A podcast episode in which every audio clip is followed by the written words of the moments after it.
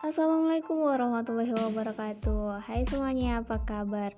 Kembali lagi bersama kami podcast Kisah kamu, aku, dan kita.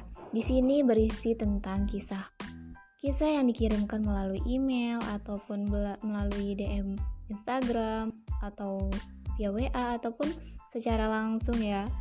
Dari kisah-kisah kalian teman-teman dari yang mengirim semuanya termasuk kisah saya pribadi. Oke, sekian mungkin dari uh, podcast dari kisah kamu, aku, dan kita.